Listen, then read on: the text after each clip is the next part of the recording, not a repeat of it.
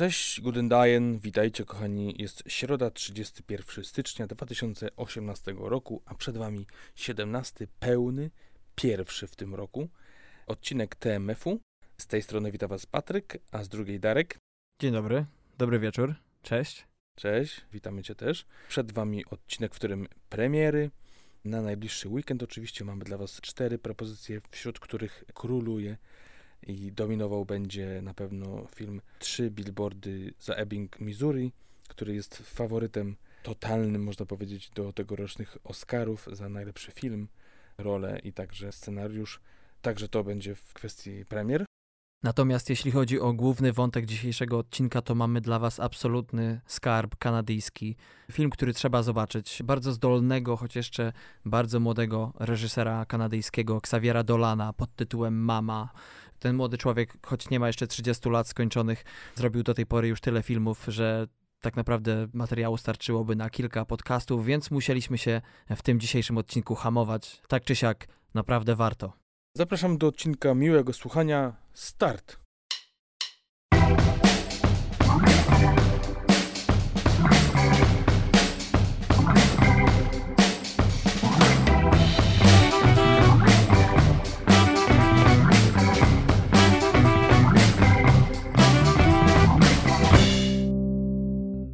To już trzeci odcinek, który nagrywamy razem.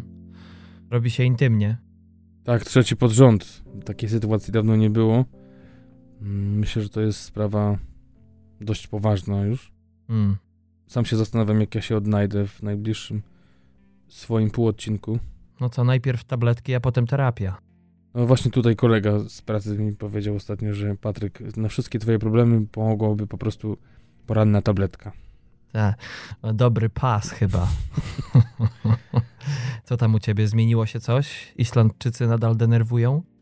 Tak, tutaj wiesz, generalnie to jest y, na taką dłuższą metę chyba coś nie dla mnie, chociaż są aspekty y, mieszkania i pracy tutaj, które mi odpowiadają, jednak potem jak się zastanowię nad tym, czego mi brakuje, jednak chyba jednak jestem takim bardziej miejskim zwierzęciem niż y, właśnie takim, no dalej mi od Yeti niż Islandczykom, może tak. to do Keflawiku, jak stolica nie odpowiada. Stolica, o, kiedy ja tu byłem w stolicy. Z Husawiku do stolicy jest o, 7 godzin drogi, także no chyba, że ktoś jest rozrzutny i może wydać kasę na, na, na przelot tak zwanym samolotem kurnikiem, to też jest taka opcja, ale to już są większe koszty. Kornik. Patrz, u nas kukuruźniki są. tak. No i tyle, co wiesz, no rybki się łowi, także to są takie fajne motywy przebywania, fajny klimat na takich rybkach, chociaż e, jak zawieje, to wiadomo, tak jak wszędzie, nie to ciekawie. Ale no, flonderki całkiem dobre, dużo chyba lepsze niż u nas. Woda zupełnie inna w tym oceanie. Także bardzo smaczne mamy weekendy, gdzie właśnie spożywamy te nasze łowy oceaniczne. A w tygodniu, wiadomo, w, w pracy się coś tam gryźnie. Mm. To ty się naucz sushi robić. Ja sushi, ja sushi co tydzień, kolego. Ja sushi, bo ja robię pranie i potem sushi, także... Dobra, koniec tematu. Nie było pytania. A co u ciebie? A u mnie pies mnie denerwuje. No jak to? No, żona w delegacji, a wiesz, ja oprócz obowiązków domowych i też innych, co chwilę muszę nagrać jakieś przesłuchanie do filmu czy serialu w domu, więc ustawiam to wszystko, światło, dźwięk, kamery i tak dalej w przedpokoju. No a ten ostatnio miał wyrwane zęby, no i jak już ból minął, i teraz życie jest trochę lepsze, no to się małpa zrobiła wredna i wiesz, co chwilę tutaj ujada, co chwilę warczy, czy domaga się atencji, no i potem wiesz, oczywiście, żeby uciszyć gnojka, to oczywiście przekupuje się go jakimś tam smakołykiem, no i skończyły się już na ten tydzień, no i tylko to źle o mnie świadczy chyba, bo to, że pies warczy, to chyba dobrze. No, w miarę naturalne. Mm, mm. Gorzej z tymi światłami, wiesz, jak on tam się odnajduje w tym. Nie bój się, on tam lubi być na backstage'u, także... Ale może, jak mówisz, że masz te kamery, te światła, te wszystkie mikrofony, to może zacznij nagrywać taką amerykańską wersję, yy, nazwij to, mm, nie wiem, 5 metrów Darka. Tak. Czy ile ty tam masz? Nie no, źle nie jest, ale e, zawsze ciekawie, a tym bardziej, że jak byliśmy właśnie na, na wizycie kontrolnej z psem, to powiedział nam, że no jak teraz już ból minie tych zębów, który towarzyszył mu prawdopodobnie od, e, przez ostatnie dwa lata, o czym nie wiedzieliśmy, Mhm. no to teraz jakby dodane zostanie ekstra 25% psa. Będzie bardziej żywy, e, bardziej skory do, do zabaw i chyba nie o to nam chodziło, jak wydawaliśmy te ciężko zarobione pieniądze na jego żuchwę. No to tyle z takiej prywaty. Ostatnio w drugiej części podsumowania 2017 roku rozmawialiśmy o Oscarach, bo nie sposób było od tego uciec. No i dzisiaj już jesteśmy po nominacyjnym okresie. No i co? Niespodzianki? No na pewno, pełno niespodzianek. Przede wszystkim myślę brak nominacji dla Spielberga, brak podwójnej nominacji dla Williamsa za muzykę i niespodzianki w postaci filmu Uciekaj, Mhm. jako najlepszy film roku i przede wszystkim chyba jako główny aktor pierwszoplanowy dla Daniela Kalui, także naprawdę myślę, że to wszystkimi to może nie tyle wstrząsnęło, co namieszało. Mhm. Aczkolwiek wiadomo, jak to w Hollywood mówi się, że to raz polityka, dwa zła prasa i, i że właśnie Daniel jest za Franco, tylko dlatego, że jakieś komentarze twitterowskie namieszały w jego biografii ostatnio, więc jak zwykle Mhm. mocno z przymurzeniem oka te, te nagrody trzeba traktować. I... No tak. Wiesz, no gdyby teraz po oskarżeniach o głupie zagrywki, chociaż nie wiem, czy nie było tam molestowania dokładnie, bo to wszystko się uciszyło, a Franco ma dość świetnych speców od PR-u. No ale wyobrażasz sobie Jamesa na ceremonii rozdania Oscarów? Yy, oni już i tak mają dość yy, ciężki orzech do zgryzienia, jak to wszystko ładnie ogarnąć, chociaż już Seth Meyers przecież yy, na Złotych Globach sypnął kilkoma żartami, także może atmosfera będzie bardziej luźna. No ale mimo wszystko, No tak, kilku tam wypunktował, no ale właśnie to jest to, że albo... Znaczy, co my tu oceniamy?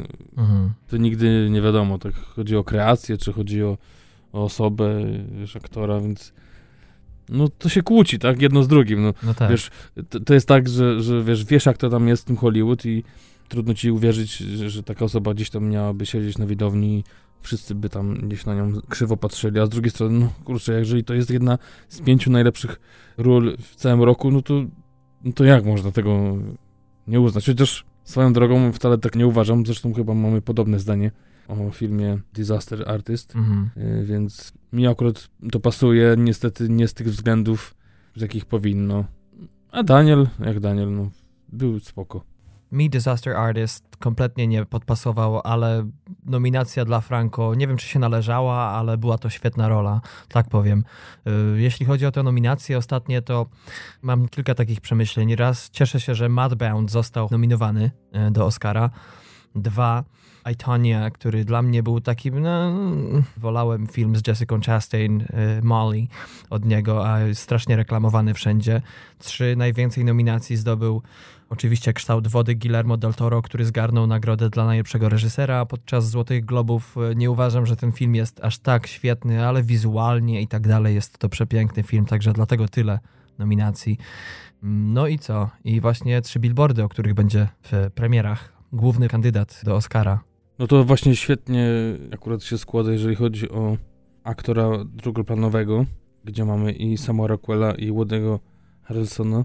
Także tych dwóch panów razem z e, rekordzistą, jeżeli chodzi o nominację, jeżeli chodzi o wiek, czyli Christophera Plamera, Mhm. który w wieku 88 lat dostał nominację za wszystkie pieniądze świata.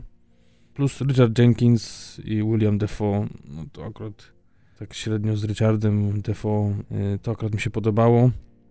No ale właśnie tak jak mówisz, też to, że, że ten Mountbound jednak jest i Mary J. Blige, chociaż, Mhm. chociaż tyle, że, że, że gdzieś tam mm, się znalazła.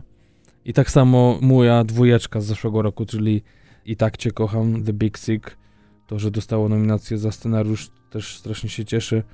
Nie rozumiem, to znaczy nie wiem, czy ja to muszę jeszcze raz obejrzeć, nie rozumiem zupełnie nominacji za scenariusz dla Logana, Mhm. od kiedy takie filmy mają nominację za scenariusz.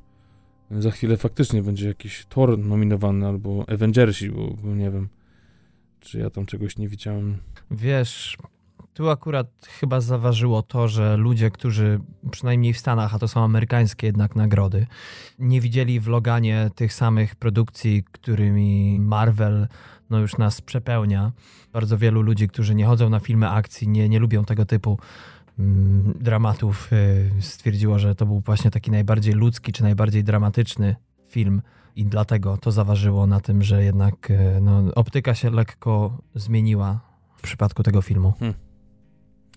Może i tak. Ale to ludzie, a ludzie bzdury gadają, wiesz. Ale ludzie, ludzie to świat, niestety. No tak. No dalej mamy co?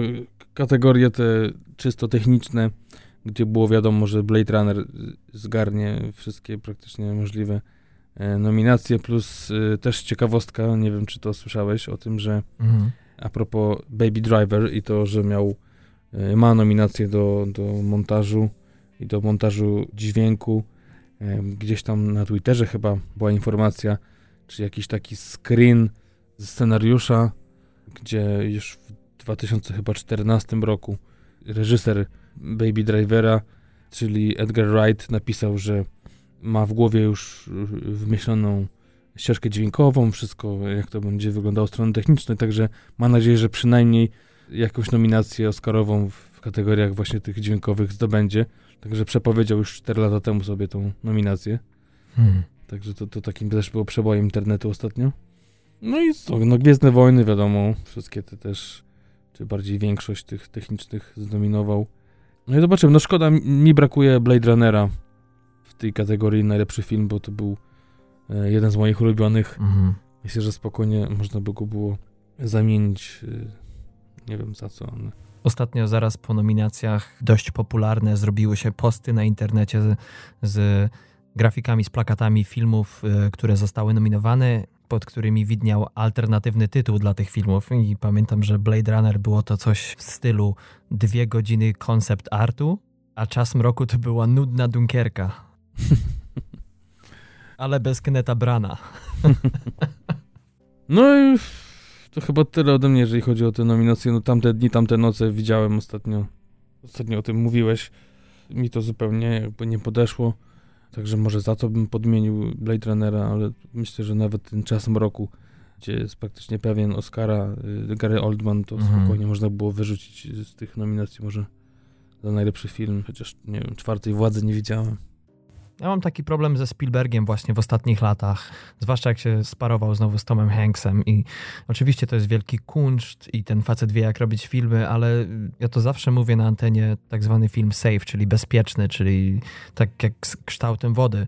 Temat poważny, bardzo ciekawy, ale egzekucja jego jest y, schematyczna, wydaje się, z, z taką łyżką miodu za dużą. Egzekucja, czyli dla niewtajemniczonych wykonanie. Tak, ciekawe, że o tym mówisz, bo mm, ostatnio gdzieś tam na Facebooku, na stronie o podcastach, gdzie się udzielają słuchacze, ktoś powiedział, że czasami denerwuje ludzi nadmierna angielszczyzna, czy też jakieś takie zwroty. Nie wiem, czy za dużo tego używamy, czy nie. To nie było pod naszym adresem oczywiście, tylko tak ogólnie, ale e, ze swojej strony mogę tylko przeprosić, ale no to są koszta tego, że jak się mieszka poza Polską i przez 90% czasu człowiek mówi po angielsku, to jednak potem jakieś takie naleciałości typu słowo wystaje, czy egzekucja, to przechodzą na porządek dzienny i człowiek nawet się nie orientuje, że e, mówi polgliszem.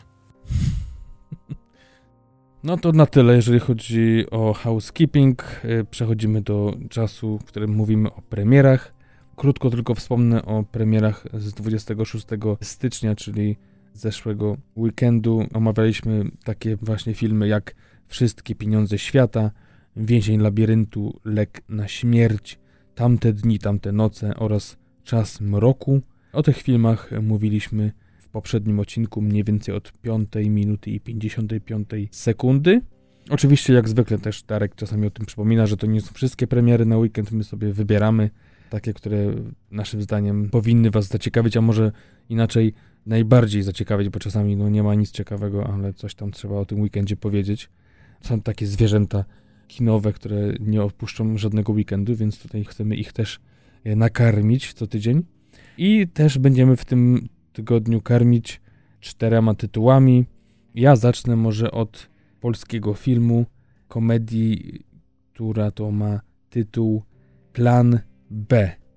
Plan B jest to komediodramat produkcji polskiej w reżyserii Kingi Dębskiej, 49-letniej już reżyserki, którą wcześniej możecie kojarzyć z takich y, filmów jak Moje córki krowy z 2015 roku, Hell 2009 oraz również z tego 2015 roku Co Moje córki krowy, czyli aktorka. Scenariusz do filmu napisała Karolina Szablewska, odpowiedzialna za scenariusz takiego hitu jak Listy do M, który w zeszłym roku miał premierę już z trzeciej części, a ona zajęła się tą pierwszą z 2011 roku. E, oprócz tego po prostu Przyjaźń e, z 2016 oraz e, serial Codzienna 2, Mieszkania 3 z 2005 roku. Jeśli chodzi o obsadę, mamy tutaj naprawdę ciekawą plejadę naszych polskich rodzimych gwiazd. Mm, w rolach głównych Marcin Dorociński, który wcześniej wystąpił właśnie we wspomnianym już wcześniej filmie, czyli Moje córki krowy z 2015 roku.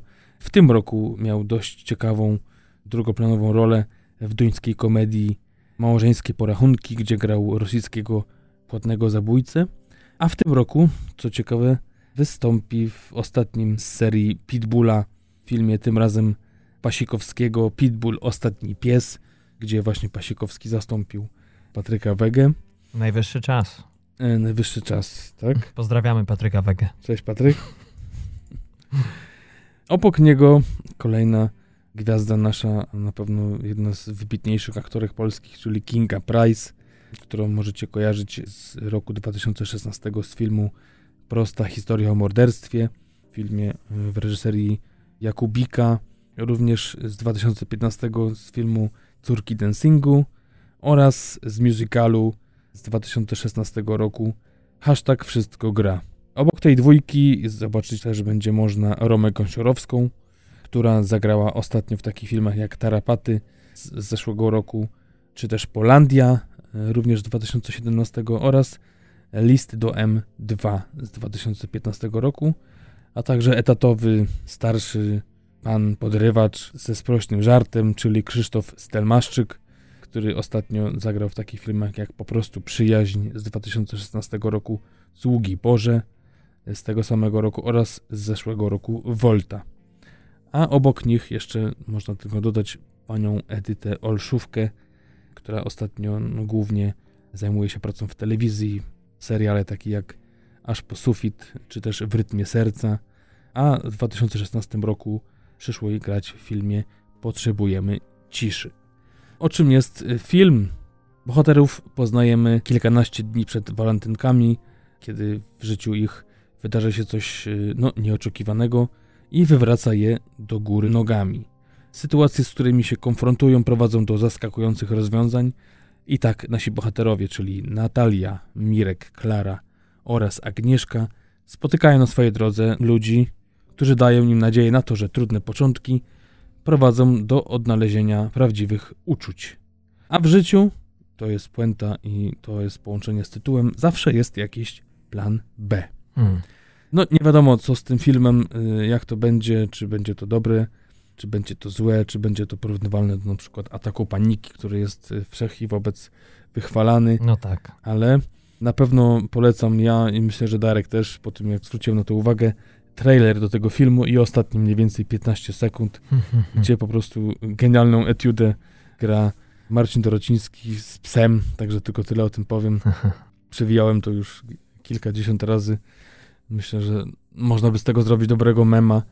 To to jest z takich ciekawostek a propos tego filmu. A jeszcze taką też ciekawostką jest to, e, jak już to niektórzy przyszli fani chyba i, i fani może Młynarskiego zwrócili na to uwagę, że film już jest wygranym, gdyż dał światu piosenkę Jeszcze w zielone gramy. Właśnie piosenkę Młynarskiego, którą na, na potrzeby filmu zaśpiewała Daria Zawiałow. No i to tyle. Zdjęcia kręcono w Warszawie i tyle o tym naszym e, rodzimym produkcie. No tak, słyszałem głosy, że film może być trochę nierówny, mm, że jednak e, raz bohaterowie zdają się troszeczkę, może nie oderwani od życia, ale to nie jest jakby film zamiast ukazywać proste życie, ukazuje, wiadomo, designerskie wnętrza i tak dalej. Słyszałem takie głosy, ale podobno końcówka tego filmu nie ma być cukierkowa. Chyba nie można o nic lepszego prosić w tego typu filmie, niż właśnie o końcówkę, która jest chyba najcięższą rzeczą do zrealizowania, zwłaszcza w komedii romantycznej. No, ja to zawsze trzymam kciuki, obojętnie co za film. Wiadomo, że w dramatach to raczej jesteśmy mocni, co pokazują kolejne lata i gdzieś tam też yy, nagrody światowe. Komedia to jest, yy, a tym bardziej romantyczna, to jest mocno pięta Achillesowa, na którą jednak jest popyt, yy, więc jest i podaż. No tak. Pełno widzów zawsze listy do M na przykład też w zeszłym roku przecież wygrały nawet z niesamowitym botoksem. Mm, Pozdrawiamy Patryka. Po raz kolejny. Także pewnie sobie jakoś tam poradzi. No jest to czas przedwalentynkowy, więc może tacy, wiesz, walentynkowicze z rozpędu, czy może z takiego wybiegu, może sobie gdzieś tam pójdą i zobaczą, co tam się będzie działo. Mhm.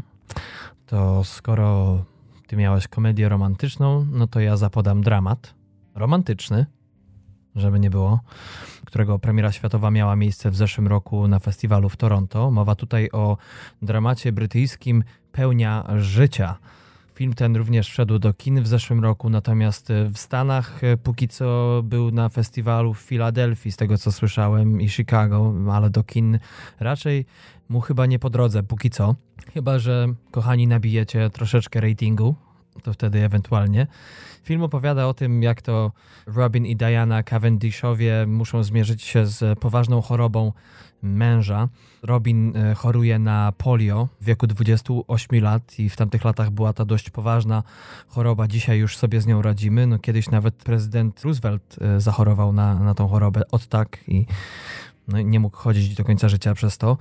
Robin dowiaduje się, że zostaje mu tylko kilka miesięcy życia, natomiast z pomocą rusza mu nie tylko żona, ale też jej bracia bliźniacy, no i też pewien specjalista, wynalazca. No i dzięki tej pomocy państwo Cavendishowie postanawiają zmienić swoje życie, mają na to szansę. I od tej pory jednym z głównych zajęć y, tej pary będzie pomoc innym ofiarom tej choroby. Za scenariusz odpowiada tutaj William Nicholson i jest to pan, którego nie trzeba przedstawiać, ale którego trzeba przedstawiać, bo ci ludzie często są właśnie jakby w, na tylnym siedzeniu. Pan ten nominowany był już dwukrotnie do Oscara, raz w roku 2000 za Gladiatora, za scenariusz oryginalny, a jeszcze wcześniej w 1993 roku za Cienistą Dolinę Richarda Attenborough. W tym przypadku był to scenariusz adaptowany. A oprócz tego, jeśli chodzi o ostatnie kilka lat, to Nicholson był autorem scenariuszy m.in. do musicalu Nędznicy Toma Hoopera z 2012 roku z Hugh Jackmanem, a także do thrillera Everest z 2015 roku, islandzkiego giganta, można powiedzieć, czyli Baltazara Kormakura. Patryk często o nim wspomina w swoich islandzkich odcinkach. Za reżyserię tego filmu natomiast e, odpowiada, no może nie zupełny debiutant, ale jest to jego debiut pełnometrażowy. Mowa tutaj o Andym Serkisie, który do tej pory głównie dał się poznać jako aktor. No, wcześniej był nominowany do Złotego Globa w 2008 roku za film Longford. E, miał kilka również nominacji do BAFTY, a my go najbardziej możemy znać nie z ekranu, a z głosu, bo jest on oczywiście odtwórcą w cudzysłowie roli Goluma z Władcy Pierścienia czy też podkłada głos do Cezara w genezie ewolucji i wojnie o planetę Małp. Oprócz tego wystąpił w takich filmach jak Prestige, Nolana, czy też ostatnio można go widzieć w serialu Czarna Pantera w Stanach Zjednoczonych. Natomiast w tym roku, w 2018, wyjdzie jego interpretacja Księgi Dżungli, zatytułowana Mowgli, czyli od imienia głównego bohatera.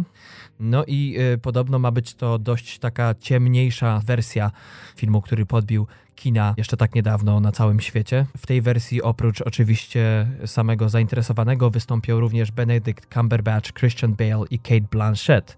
Natomiast w obsadzie pełnego życia mamy tutaj m.in. Andrew Garfielda, który gra Robina, Aktor ten ma na swoim koncie jedną nominację do Oscara za Przełęcz Ocalonych Mela Gibsona w 2016 roku, a także nominację do BAFTY i Globa za The Social Network. Natomiast ostatnio mogliśmy go oglądać m.in. w dwóch częściach niesamowitego Spidermana z 2012 i 2014 roku, a także w dramacie historycznym całkiem niedawno Martina Scorsese pod tytułem Milczenie, gdzie grał u boku Adama Drivera i Liama Nisona.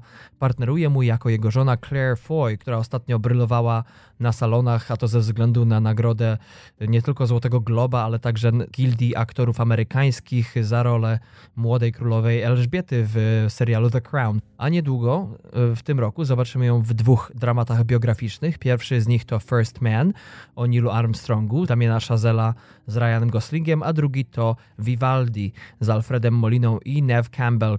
Partneruje tym dwóm aktorom jako bracia bliźniacy Diany, Tom Hollander, którego znamy z Piratów z Karaibów, a także z Dumy i Uprzedzenia Joe Wrighta z 2005 roku. Film ten kosztował 15 milionów dolarów, zarobił niecałe pół miliona dolarów, także jest tutaj rzeczywiście czas na lekką poprawę. Film ten trwa niecałe dwie godziny. No, krytyka nie jest mu taka bardzo uprzejma. Na IMDb nie jest to zły wynik, bo 7,1, no ale Rotten Tomatoes to 66% jeśli chodzi o pozytywne głosy recenzentów, a 73% jeśli chodzi o widzów. Mówi się, że ten film e, jest bardzo inspirujący, że świetnie grają przede wszystkim Claire Foy i Andrew Garfield. Natomiast e, mówi się też, że mimo historii film ten jest dość płaski.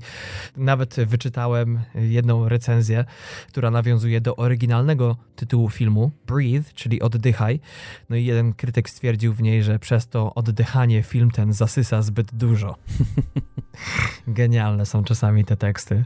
A jeszcze zapomniałbym o jednej rzeczy, o zdjęciach do tego filmu, że może jeżeli historia nie jest świetnie ukazana, to rzeczywiście warto wybrać się na ten film dla samych zdjęć, bo człowiekiem odpowiedzialnym za nie jest Robert Richardson, który ma do tej pory trzy Oscary za JFK z 91 roku, za Aviatora z 2004 roku, czy za Hugo i jego wynalazek z 2011 roku, a oprócz tego ma nominację do filmów, które reżyserował Quentin Tarantino, czyli Django, Nienawistna ósemka i Bękarty Wojny.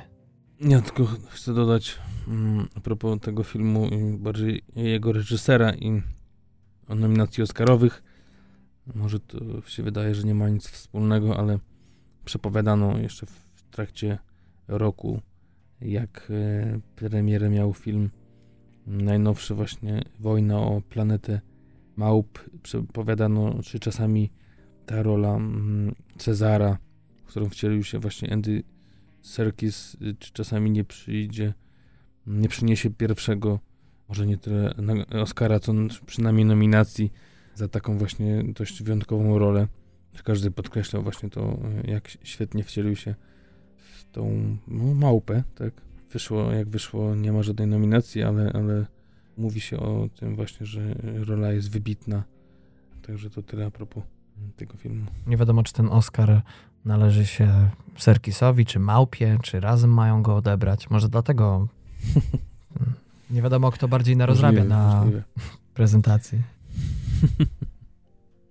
No i mamy pozycję numer dwa w takim rankingu popularności, jeżeli chodzi o premiery i to, co chcielibyście zobaczyć w ten najbliższy weekend. I mamy tutaj dramat rosyjski Niemiłość z zeszłego roku, czyli Nie bluff z rosyjskiego. Jest to propozycja dość ciekawa z samego tego powodu, że jest nominowana do Oscara. Tak samo była nominowana do Globa, jak i do Bafty. Nagrody Bafty, tylko przypominam rozdanie ich 18 lutego. Tak właśnie jak zwykle mniej więcej w połowie między Oscarami a globami i tam ten film będzie stawał w szranki z innymi najlepszymi produkcjami zeszłego roku w języku innym niż angielski. Reżyserem jest dość zasłużony już i, i bardzo znany reżyser Andrzej Zwiagincew, 53-letni już twórca filmowy, spod którego ręki wyszedł taki film jak Lewiatan z 2014 roku, który był nominowany do Oscara e, rok później i wygrał Złotego Globa w 2015 roku.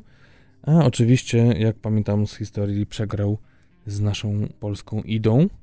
E, a także film Powrót z 2009, który muszę przyznać, że jest jednym z moich ulubionych rosyjskich filmów w ogóle. Reżyser zrobił też film Ellen z 2011 roku, dużo mniej znany, a też, też podziwiany i też doceniany przez krytykę, no ale już troszeczkę zapomniany po tych latach. także to jest dorobek reżysera. Reżyser też razem z Olegiem Nieginem wziął się tym razem za scenariusz, a z Nieginem współpracował wcześniej przy właśnie filmach takich jak Lewiatan, Ellen, czy też Wygnanie z 2007 również właśnie w reżyserii Zwiagnicewa. Co więcej o tym filmie, premiera miała miejsce w Cannes 18 maja zeszłego roku. W Polsce był to festiwal Nowe Horyzonty 4 sierpnia. Czas trwania tego filmu to 2 godziny i 7 minut, a w rolach głównych zobaczymy m.in. Aleksieja Rozina, który również współpracował z panami, których wymieniłem wcześniej, przy okazji Lewiatana oraz Eleny, a także Zanim noc nas nie rozdzieli z 2012 roku. Władimir Wdowiczenko również współpracował z tymi trzema panami już wcześniej wymienionymi w firmie Lewiatan, ale także film Bema z 2003, czy też Paragraf 78 z 2007 roku oraz Mariana Spiwak, znana z serialu Gluchwar z 2008 roku, czy też Syn Otca Narodów, czyli pewnie Syn Ojca Narodów, serial z 2013 roku. No i generalnie jest to dopiero piąta produkcja w jej karierze. Już nie tak młodej aktorki, ale świetna rola akurat w tym filmie. Nie ma co za bardzo tutaj rozwodzić się na temat tego streszczenia filmu, gdyż no, tutaj dużo się dzieje w takich niedomówieniach, dużo dzieje się gdzieś między słowami. To takie krótkie streszczenie musi wam wystarczyć i myślę, że wystarczy w, w zupełności takie oto zdanie, że jest to historia e, rozwodzącego się małżeństwa, które no, między gdzieś tam kłótniami, jedną a drugą, traci z oczu swojego syna, który ucieka z domu, czy też jest zaginiony, czy porwany. To też sprawa jest do wyjaśnienia w trakcie filmu. I mając już gdzieś poukładane swoje życie, powiedzmy w cudzysłowie, na boku, obydwoje tylko czekają na, na, na gdzieś tam sprawę rozwodową, muszą znowu się zjednoczyć w poszukiwaniu syna, czy wrócić do tego, y, czego nie chcą. I tutaj gdzieś roz, rozgrywa się ten film w takim właśnie, tak jak mówię, niedomówieniach, gdzieś y, powiedzmy mocno pomiędzy tym, co się widzi, a co się czuje. No troszeczkę nie moje kino, ale tak jak mówię, docenione. Jeżeli chodzi o krytykę, to oprócz nominacji oczywiście na IMDb jest to ocena 7,9 na Rotten Tomatoes 93%, także to jest bardzo dobrze. A z takich ciekawostek można wspomnieć, że twórców filmu zainspirował m.in. serial Ingmara Bergmana Sceny z życia małżeńskiego. Na podstawie tego mniej więcej to jest luźno powiązane z tematem tego filmu. No i tyle, jeżeli lubicie takie kino troszeczkę wyalienowane, mocno wygrane na na emocjach, gdzieś na, nawet nie na rozmowach, tylko na ich braku, delikatnych nutach braku emocji, braku miłości i o tym, jak to można zbudować sobie świat na takim właśnie deficycie jak trudno potem z niego wyjść. No to, to, to będzie propozycja dla was, tak jak mówię, no, kto co lubi, troszeczkę nie moje kino, ale myślę, że na pewno może się podobać. No tak, tym bardziej, że nasz reżyser, no uważany jest i to nie bez kozeryza. No teraz chyba takiego wiodącego rosyjskiego reżysera, bo mówi się o nim często, że jest to poeta kina. No i wielu uznaje go ze mną na czele za no, członka plejady takich reżyserów jak Tarkowski, czy Sokurow, czy też Konczałowski. No, pewnie nasi słuchacze dobrze znają tych reżyserów, bo ich twórczość też była często przedstawiana w Polsce. Mam nadzieję, po cichu liczę, że ten film zostanie pokazany tutaj w Nowym Jorku, bo znajdą się zawsze takie kina, które pokażą filmy nominowane do Oscara, y, nieanglojęzyczne. Tak było w zeszłym roku w przypadku Tony Erdman i klienta. No i mam nadzieję, że tak będzie w tym roku. I mi się poszczęści. No właśnie, no w tym roku jak zwykle te filmy nieanglojęzyczne u nas y, mocno kuleją, jeżeli chodzi o te premiery przed rozdaniem nagród, także pewnie znowu będzie wysyp po nagrodach, tak samo jak w zeszłym roku właśnie było z klientem. Tak pewnie tutaj będzie też, gdyż no jest i film węgierski, film z Chile, ten właśnie rosyjski, ale i Square, to chyba Square jedyny, który, który gdzieś tam w zeszłym roku przemykał po naszych kinach, mhm. ale też i Le Insulte z Libanu, także no jest na to czekać. Tak jest. Mm, gdyż zapowiadają się to naprawdę dobre filmy. Co ciekawe, jeszcze tylko warto dodać, że, że brakuje w tym zestawieniu filmu, który wygrał Złotego Globa. Fatiha Akina. Zaskoczenie. Już nie jak zwykle, ale zaskoczenie, mm, czyli brak zwycięzcy Globów y, nawet w nominacjach. Tak jest. To skoro mowa o Oscarach, to pora wspomnieć o głównej premierze, najbardziej wyczekiwanej tego weekendu. No i tego y, łamane na poprzedniego roku, bo oczywiście jego premiera miała miejsce jeszcze we wrześniu zeszłego roku w Wenecji. Mowa tutaj oczywiście o filmie Trzy Billboardy i tak e, już w ostatnich dwóch odcinkach podsumowujących zeszły rok tak sporo o tym filmie powiedzieliśmy, że czuję, że w ogóle ten nasz podcast e, zrobił się o tym filmie. No ale żeby nie było, żeby temu filmowi tak nie słodzić, to zaczniemy od łyżki dziegciu. Po pierwsze, jest to pierwszy film Martina McDona bez Colina Farella to mi się nie podoba. A po drugie, reżyser podobno skopiował scenariusz, y, kiedy to przejeżdżał gdzieś y, przez południowe Stany Stanów Zjednoczonych i zobaczył jakieś billboardy właśnie koło siebie mówiące o nierozwiązanej sprawie kryminalnej. Ale to tyle z takich e, fejkowych pretensji. no tak, trzy billboardy za Ebbing, Missouri. Siedem nominacji do Oscara. Więcej ma tylko Dunkierka, bo 8 i 13 kształt wody. Guillermo del Toro, bo aż 13. Oprócz tego ten film zdobył 9 nominacji do BAFTY, wygrał 4 Złote Globy za najlepszy dramat, dla najlepszej aktorki, dla najlepszego aktora drugoplanowego oraz za scenariusz. Scenariusz wygrał również w Wenecji, a amerykańska gildia aktorów przyznała temu filmowi trzy wygrane za zespół aktorski, za aktorkę, za aktora drugoplanowego. Premiera światowa miała miejsce, jak już wspomniałem, w Wenecji 4 września zeszłego roku, kinowa 10 listopada. No i ten film zjeździł chyba wszystkie możliwe festiwale, zanim trafił do kin. Lista jest dość pokaźna, aż, aż chce się powiedzieć, że zjeździł nawet te, których nie ma. Akcja opowiada, jak już wspomniałem, o samotnej matce, która straciła córkę w wyniku morderstwa. No i ta sprawa nie została nigdy rozwiązana, ciągnie się lub też w ogóle się nie ciągnie, panuje w niej zastój, więc kobieta wynajmuje trzy tablice reklamowe, umieszczając na nich bardzo prowokacyjny przekaz. Film ten zresztą niewolny jest od wielu politycznych i społecznych przekazów. Jest to dość ciekawy temat. Za scenariusz i reżyserię odpowiada jeden chyba z takich, można powiedzieć, najbardziej pewnych inwestycji czasowych, jeśli chodzi o, o film, bo Martin McDonough na swoim koncie ma cztery nominacje do Oscarów właśnie za Billboardy oraz za Najpierw strzelaj, potem zwiedzaj z 2008 roku z Brendanem Gleesonem i Colinem Farrellem. Natomiast swoją przygodę z filmem, bo wcześniej był bardzo znanym i nadal jest autorem sztuk teatralnych, rozpoczął od krótkometrażowego filmu, za którego zresztą dostał Oscara. Był to film pod tytułem Sześciostrzałowiec z 2004 roku, również z Brendanem Gleesonem. Oprócz tych trzech filmów znany jest również ze swojego czwartego czwartego, bo dokładnie tyle nakręcił do tej pory.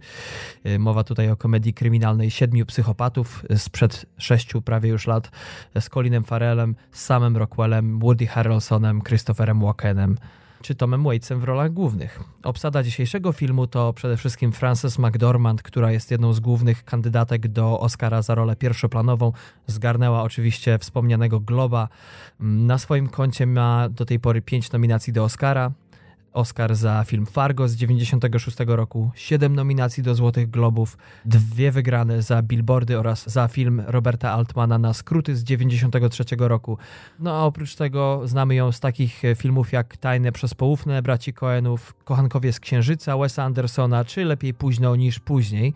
Partneruje jej zdobywca Złotego Globa za rolę drugoplanową i główny kandydat do Oscara w tej kategorii Sam Rockwell, którego wcześniej mogliśmy widzieć w takich filmach jak Zielona Mila, Franka Darabonda z 1999 roku, Frost Nixon, Rona Howarda z 2008 roku, czy Autostopem przez Galaktykę Gartha Jenningsa z 2005 roku partneruje dwójce Woody Harrelson, który ma na swoim koncie trzy nominacje do Oscara za Larego Flinta, za W imieniu Armii oraz właśnie za Billboardy.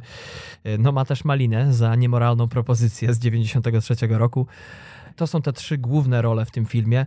Ukłony należą się również trzem innym postaciom, trzem panom, tak chciał właśnie los.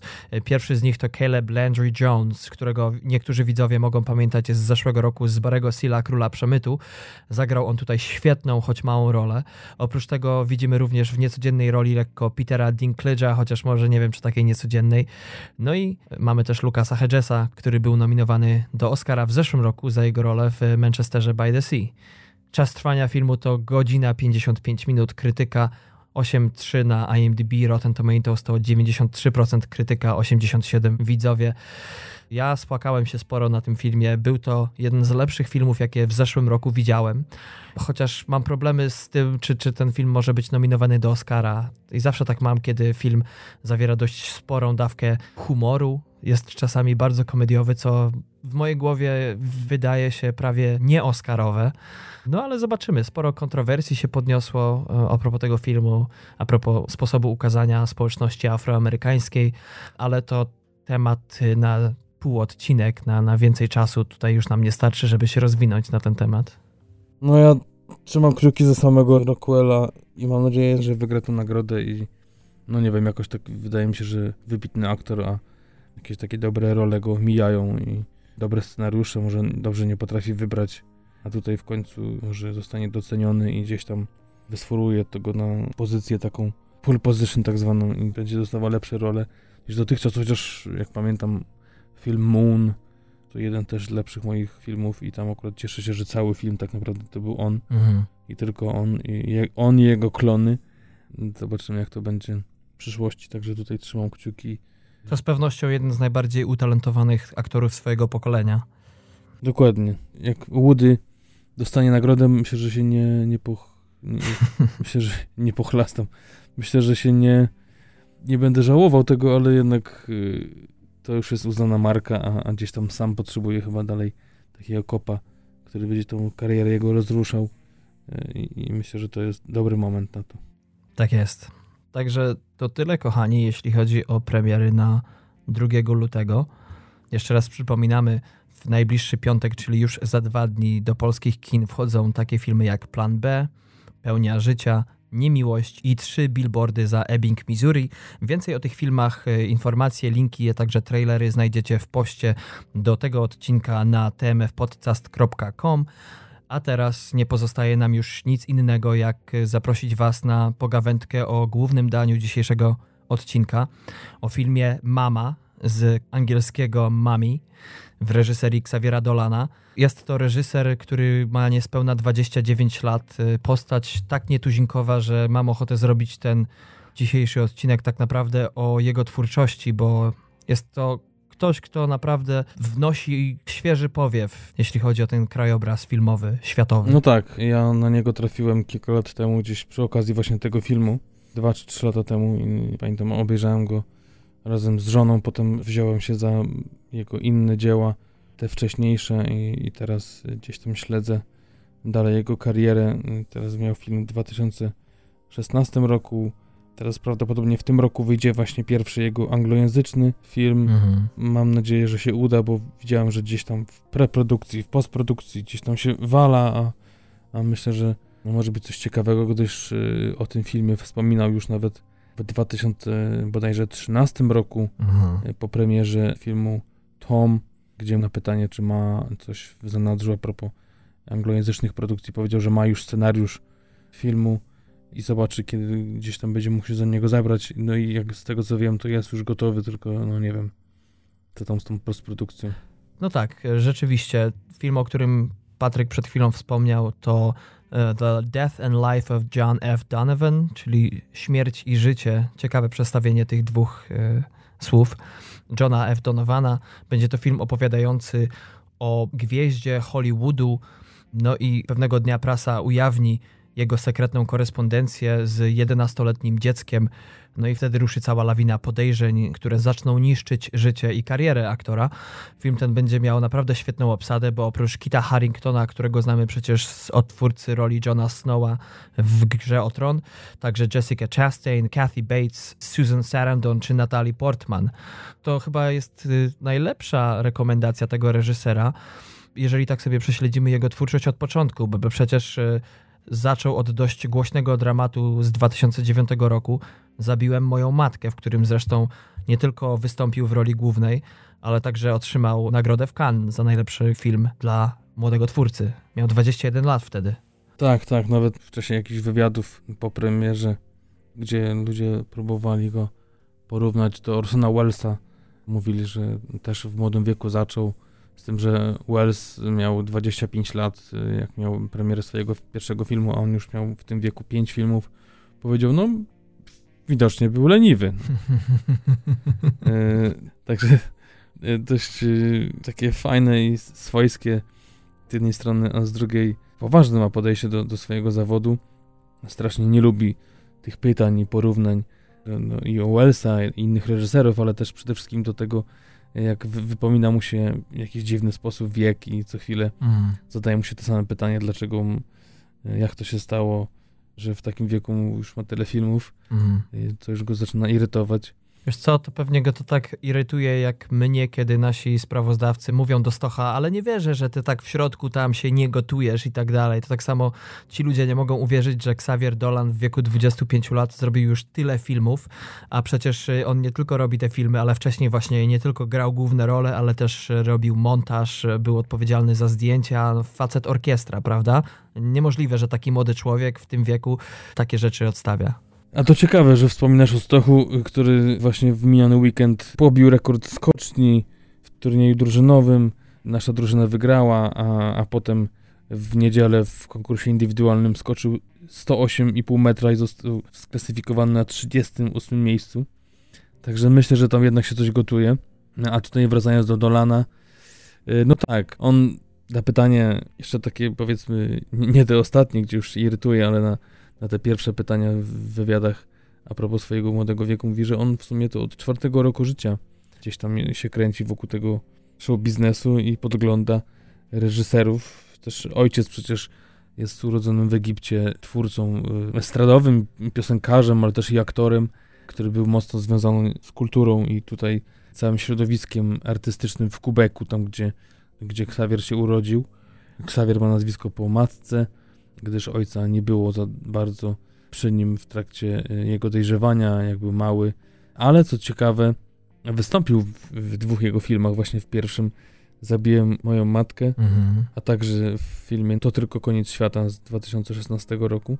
Pierwszego tak naprawdę, w którym no, udało mu się zebrać gwiazdy.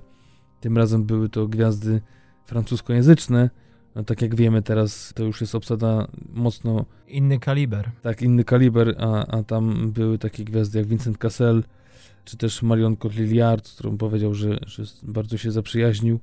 Także no, przez właśnie ojca, który, tak jak mówił, miał go co drugi weekend u siebie, gdzieś tam przez niego wkręcał się w ten światek od małego i tak jak mówił, że zawsze lubił podglądać reżyserów, oglądał dużo filmów, i gdzieś tam był dobrym obserwatorem i może właśnie przez to gdzieś dużo szybciej rosła w nim ta świadomość kina, mhm. ten, można powiedzieć chyba już po tylu filmach, dobry gust, oko i gdzieś tam ucho do zdjęć i do muzyki.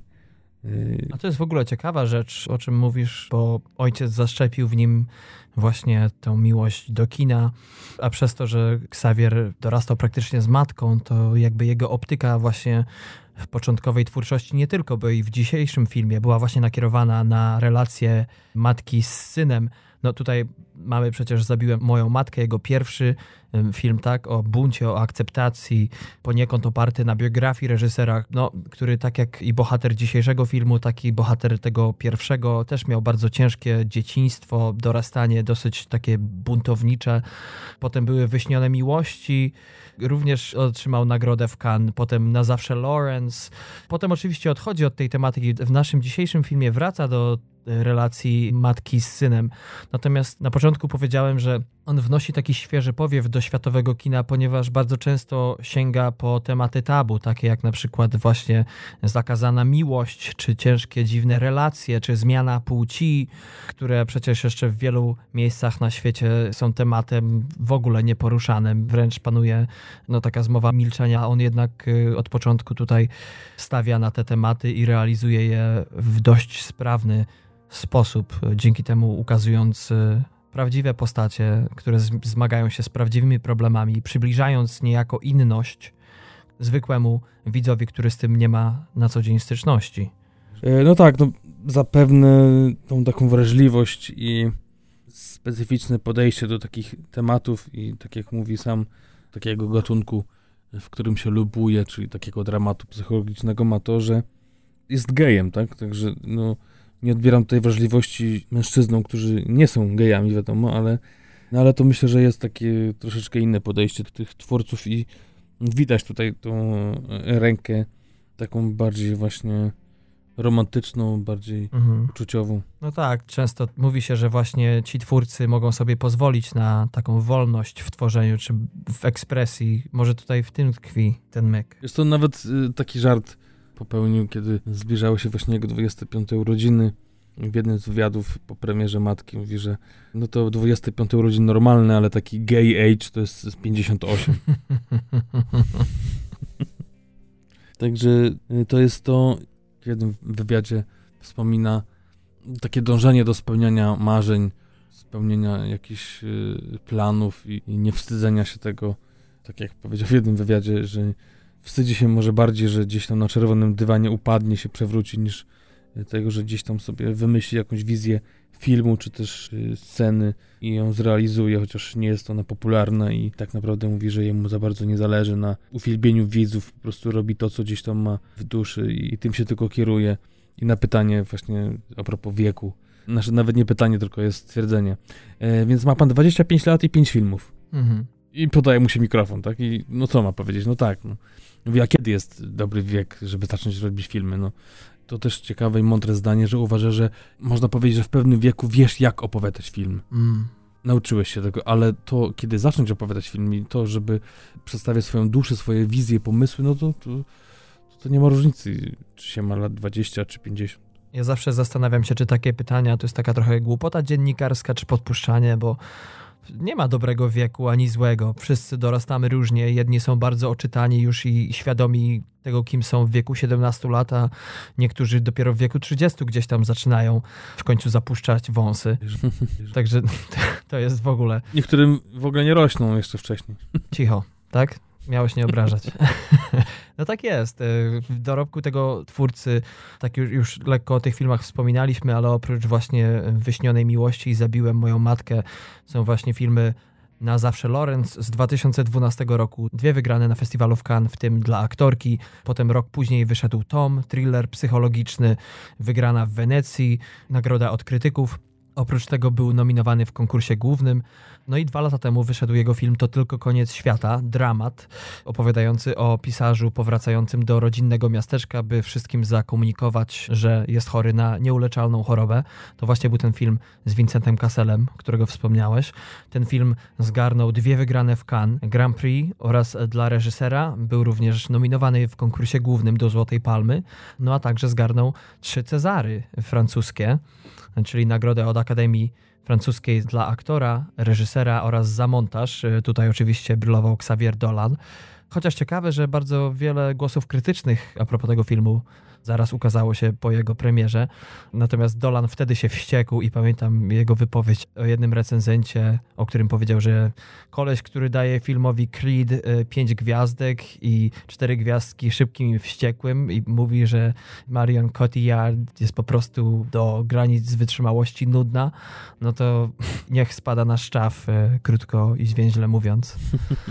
Y, obronił swoją twórczość przed dociekliwym tak, a w ogóle to jest mocno ciekawa postać, jeżeli chodzi o wywiady, o tym jak mówi, na przykład y, w ogóle świetnie posługuje się językiem angielskim, ale właśnie tak sobie tutaj wynotowałem, że ma coś takiego, że ma takie braki w jakichś y, prostych słowach, których nie zna, I gdzieś tam, wiesz, świetny akcent, w ogóle y, swoboda wypowiedzi nagle gdzieś tam na przykład aplauz, słowo mu ucieknie i nawet jak dziennikarz mu podpowie to, to słowo, to za chwilę znowu zapomina.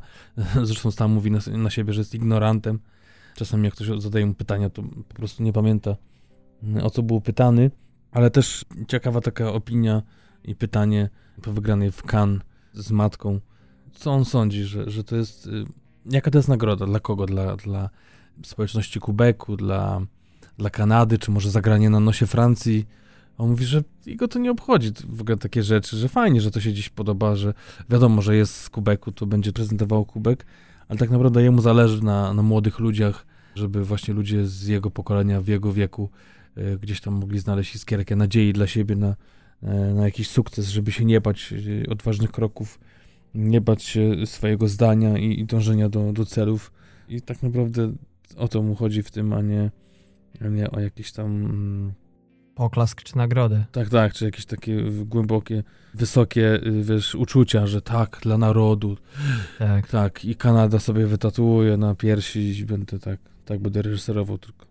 Tak, to jest zresztą fenomen, który można zaobserwować w każdym kraju. Zawsze ktoś się będzie chciał podczepić z szczerych czy nieszczerych uczuć, ale to już nieważne, do czyjegoś dzieła i dorobić temu cudzysłowiu gębę, nawet tą pozytywną, wychwalając to dzieło, piejąc peany na jego cześć, a, a aktorzy szczególnie, czy muzycy wiedzą, że koncert przede wszystkim podoba się fanom, ale człowiek zaraz po ostatnim akcie, zaraz po krutynie w dół idzie, przebiera się, ściera pot z czoła i teraz myśli, czy wziąć coś na wynos, czy zapiekankę złapać na rogu i przespać się trzeba.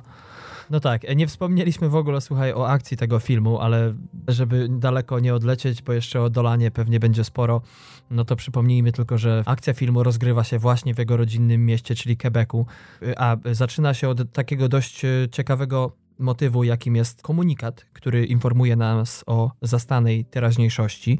Zaraz po momencie, w którym to kanadyjski rząd wprowadził w życie kontrowersyjną ustawę, na mocy której zagrażające zdrowiu bądź życiu bliskich e, dziecko może trafić pod nawet dożywotnią szpitalną kuratelę na życzenie rodzica bez e, jakiejkolwiek papierkowej roboty, czy tam też instytucji pośredniczących. I no i właśnie e, film opowiada o tym, jak to Steve, który cierpi na dość ostre ADHD, wychodzi po wielu latach z poprawczaka i przyjdzie mu z powrotem mieszkać ze swoją, jakby to powiedzieć, butną matką. Na pewno kochającą, wiesz, butną jak butną, to, to już jest kwestia zachowania bardziej w stosunku do reszty świata, na pewno oddaną matkę. Chciałem podkreślić te ich sparowanie problematycznego syna z matką, która też jakby nie jest taką tylko kochającą i cichutką, która tylko przytuli i, i, i w kąt się usunie. No na pewno myślę widać, że to jest y, syn swojej matki. Mhm. Także może ona nie jest chora, ale, ale te ADHD gdzieś przynajmniej takie nastrojenie y, organizmu umysłu jest, jest, jest podobne do matki, która mhm. też jest taką wyzwoloną 50-letnią kobietą, zresztą w świetnej formie, która mocno też chyba nie chce dorośleć do końca, bo ubiera się, jak to kiedyś y, właśnie w jakimś wywiadzie ktoś śmiesznie podkreślił, że to jest takie skrzyżowanie takiej 50-letniej kobiety z, z, taką młodą wersją Jennifer Lopez, mhm. y, która y, nie zawsze w dobrym guście się ubiera, ale ubiera się jako nastolatka. Wysokie obcasy, miniówka, mhm. czy też jakieś dżinsy powycierane y, i nie jest taka też typowa 50-latka, chociaż Doran właśnie podkreślał to, że, że chciał to umieścić jednak mm, miał pomysł i miał takie zapędy, żeby zrobić to po amerykańsku, gdzieś w Stanach, mhm. ale jednak po tym, jak, jak zżył się z tą swoją ekipą, zaraz o tym powiemy, że ci twórcy, z którymi tutaj współpracował, to też y, długoletni. To już prawie już, rodzina. Mhm. Tak, już prawie rodzina czy to producentka, czy, czy właśnie aktorzy, z którymi dawno już wcześniej współpracował i chciał to jednak umieścić w swoim miejscu, gdzie się urodził, z tymi wspomnieniami, które miał z lat młodzieńczych i właśnie też tą, powiedzmy, modę wprowadzić i też te kobiety, które gdzieś oglądał na, na ulicach, żeby też y, ta matka była w podobnym stylu. Y, zresztą nawet, nawet aktorka się śmiała, że tak naprawdę wszystkie stroje to on wybierał hmm. dla niej i ona tylko je zakładała ale też mówi o tym, że, że i dobór kostiumów zawsze, zawsze ma w głowie i strasznie lubi, tak jak mówiłeś kiedyś, że to wcześniej, że to jest człowiek orkiestra, lubi ten podział obowiązków i zatraca się, czy to w montażu, czy właśnie w doborze muzyki, czy, czy, czy w reżyserii, w aktorstwie, czy właśnie mhm. przy wyborze kostiumów. Główna bohaterka, czyli Diana, grana jest tutaj przez Anne Dorval, kanadyjską aktorkę, dla której jest to już czwarta produkcja z Dolanem. Wcześniej właśnie grała w Zabiłem swoją matkę, w Wyśnionych miłościach i Na zawsze Lorenz. To jest dość ciekawe, co powiedziałeś, bo z jednej strony właśnie jest taką kobietą wyzwoloną, wdową. Tutaj y, od razu, może nie spoiler, ale to jest właśnie świat zastany. Ojciec Steve'a, jej syna, mm, zmarł kilka lat temu. Co ciekawe, a propos tej Diany jest to, że z jednej strony jest właśnie wyzwolona, ubiera się młodzieżowo, bo też i figura, i wygląd na to jej pozwalają, a z drugiej strony jakby nie szaleje za mężczyznami, nie prowadzi jakiegoś wyskokowego e, trybu życia, więc e, tu jest takie dość ciekawe połączenie. A drugą rzeczą, do której chciałbym, żebyś się odniósł, to to, że z jednej strony właśnie rozumie to, co wymaga od niej choroba syna, czyli pewnych zachowań, zrozumienia dla jego wyboru, wybuchów, agresji i tak dalej, ale z drugiej strony często w tym filmie wydaje mi się, że ta bohaterka kopie sobie sama dół w wielu momentach, bo w scenach, w których powinna reagować na pewne rzeczy, żeby coś ukrócić, kompletnie tego nie robi, a czasami nawet wydaje się, że podsyca. E, wiesz co? To też ciekawa obserwacja z twojej strony odnośnie wywiadu, który właśnie udzielił Dolan, gdzie jak streszczał ten film, y, pokrótce to mówił o tym, że jest to film o takiej relacji właśnie matki z synem, bardzo się kochających, e, ale na tyle ekstremalnej tej relacji, która nie mieści się w ramach e, właśnie społecznych norm i przez to, że takie, a nie inne są te normy, to, to nie, nie mogą być jakby do końca razem, nie mogą się cieszyć do końca sobą, bo mhm. właśnie gdzieś tam muszą się zachowywać, tak, tak jak są takie sceny, gdzie a propos pewnie mówisz o tym, że że gdzieś tam chłopak y, z wózkiem, z zakupami nagle leci przez środek ulicy, z tyłu te samochody, a ona dopiero w ostatnim momencie tak naprawdę mu przerywa, bo, bo cały czas cieszy się że tym, że chłopak leci po ulicy i, mm. i, i gdzieś tam zadowolony jest. Wiesz co, tak naprawdę mówię o tej też powiedzmy, chociaż tutaj akurat te sceny są scenami, które aż są potrzebne temu filmowi, bo oprócz tych wszystkich problemów wychowawczych, oprócz tej całej agresji, tych trudnych momentów, ten film musi mieć momenty, kiedy zobaczysz dwoje szczęśliwych ludzi. Także e, to jej akurat e, zapominam kompletnie. Natomiast, e, żeby wspomnieć o tej rzeczy dokładnie, o której mówię, to trzeba przedstawić tutaj trzecią główną bohaterkę w tym filmie, czyli Kyle, sąsiadkę matki i syna, graną przez Suzanne Clement, dla której jest to trzeci film z Dolanem. Wcześniej wystąpiła w Zabiłem swoją matkę i na zawsze Lorenz, za który dostała w 2012 roku zresztą nagrodę w Cannes, choć nie główną, jedną z tych e, pomniejszych aktorskich. No i to jest dość ciekawa postać, bo w zasadzie mało o niej wiemy. Wiemy, że ma rodzinę, ma męża, ma bodajże jedno dziecko. E, no i że z niewiadomych przyczyn nie pracuje w swoim zawodzie. Mówi, że jest nauczycielką. Nie wiem, czy do końca dawałem jej wiarę. Była tak dla mnie tajemniczą osobą, że e, nie wiedziałem skąd ona się tam wzięła. Wiem tylko tyle, że e, ma problemy z wadą wymowy i to nie pomaga jej wysłowić się bardzo często. Też o tym mówił w wywiadach Dolan, że miał mocno precyzyjnie e, zarysowane postaci matki i, i właśnie syna, a tą nauczycielkę tą sąsiadkę, y, która jest bardzo ważnym tam y, elementem, czasami punktem zwrotnym i czasami jakąś kulminacją, mocno tam miesza i wywołuje różne emocje i też jest pod jej wpływem jakieś są zachowania też zmieniane przez dwójkę głównych bohaterów i jej tylko lekko zarysował tą postać. Nawet na początku nie było mhm. mowy o tym, że będzie się jąkać. Potem gdzieś w pracy nad tą postacią razem wymyślili, że, że to będzie dobry sposób i, i zostawił jej dużo wolności, dużo takiej swobody aktorskiej i, i gdzieś tam wyobraźni, na co sobie nie pozwolił właśnie przy tych dwóch postaciach. I faktycznie troszeczkę to bycie nauczycielką myślę, że było ważne z racji tego, że wiesz, dość szybko zostaje taka stworzona ta relacja tego, że, że ona pomaga temu chłopakowi się uczyć i to było do tego ważne, bo jakby nie była nauczycielką, no to jakby nie miałaby kompetencji, tak? Jakby matka może też by tak łatwo y, na to nie przystała, że może być pomogła synowi, wiesz, jak to potem się rozwijało w filmie, a to, że właśnie się jąkała i to, że była taka mocno wycofana, to było bardzo ważne i teraz właśnie te zebranie tych dwóch rzeczy, faktycznie to może być coś, co może lekko, jak to mówisz, wystawać, coś, co może tworzyć taki lekki zgrzyt, że, że troszeczkę to się nie, jakby nie łączy w tej postaci. Wiesz, e, powiem ci szczerze, że dla mnie tutaj jest widoczny właśnie kunszt Dolana. Nawet jeżeli to jest powiedzmy tylko jakieś przeświadczenie czy jakiś zmysł, ponieważ e, dla mnie to zagrało idealnie. Nie tylko stworzyło właśnie wiele pytań a propos tego, co tak naprawdę jej no, nie imponuje może, ale co ją tak ciągnie do tych dwóch problematycznych ludzi. Można powiedzieć, że pewnie przesiadywanie cały czas w domu, bo przecież e, kiedy mąż i córka wychodzą do szkoły czy pracy, to e, ona wtedy może dostawać szału w swoich czterech ścianach.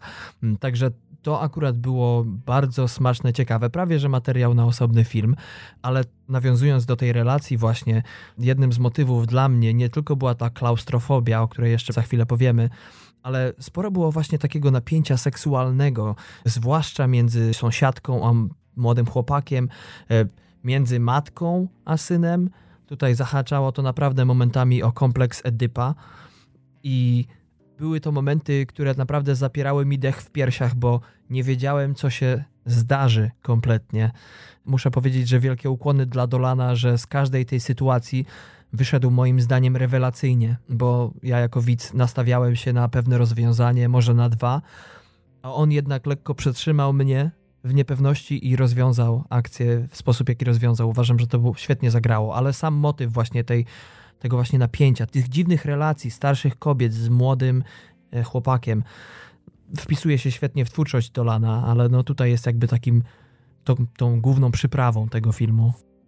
Też też warto wrócić do tego pierwszego filmu Zabiję moją matkę i, i tego, że, że często ludzie właśnie y, próbują porównać ten film do tej matki, e, do mamy, bo to mówimy matka, to mama.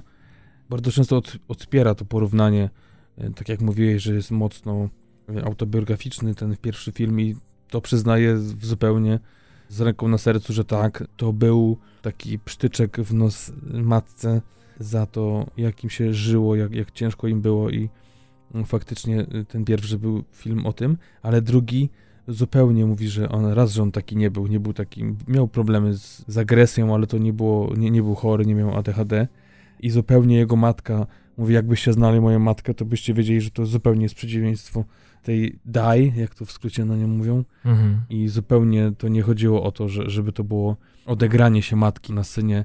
To nie miało tak działać, to raczej było takie pokazanie takiej kochającej matki, a nawet tak sobie myślę teraz, a może to właśnie znowu przytyczek matce, żeby pokazać jego matce, jaka mm. mogłaby być y, i, i, jaka mogła być dla niego, a nie była. Mm. A co, co do tego, co też wspomniałeś o tym, że w tym 2014 roku gdzieś spiął jakąś klamrą te swoje filmy, wracając do matki, mm. to też kiedyś odpowiedział na, na, na to pytanie, że o powrót, a mówi, a ja kiedyś odszedłem od tego tematu? Tak Wiesz, naprawdę rodzina, gdzieś te więzi, które wpływały na ludzi, no tak. Y, to też, też gdzieś tam w każdym filmie się przewijały. Dzisiejszy film jest takim może zakończeniem pewnego etapu, z tego względu, że jednak zabiłem moją matkę. Tam jakby bardziej koncentrował się reżyser nad sądem, prawie że nad rodzicielką, bo ten chłopak jednak był bardzo bezwzględny w stosunku do niej. Mhm. Z jednej strony chciał jej wystawić rachunek za wyrządzone krzywdy. To przypomina mi trochę takie wezwanie do zapłaty, a już jednak w tym dzisiejszym filmie no to już tutaj jednak widać więcej tej pokory. W końcu są przeprosiny, obietnica uczestniczenia. Ktoś to kiedyś powiedział winie i karze, bo tutaj w tym tandemie jednak obie osoby wpływają na siebie wzajemnie w różny sposób. Tam zresztą w tym pierwszym filmie też była ta sąsiadka, nauczycielka, pamiętasz, e, z którą mhm. młody chłopiec też zawiązał bardzo bliską relację, też połączyła ich pewna alienacja. To jest właśnie to ciekawe, że tutaj, że Dolan lubi łączyć dwie osoby, które mają coś wspólnego bez względu na ich wiek. Spaja pokolenia, co było świetne moim zdaniem w obu tych filmach. E, tak, ja wiesz co, chciałbym się trochę odnieść od, do tego, co powiedziałeś o tym napięciu e, seksualnym. Wiesz co, ja troszeczkę... Mm...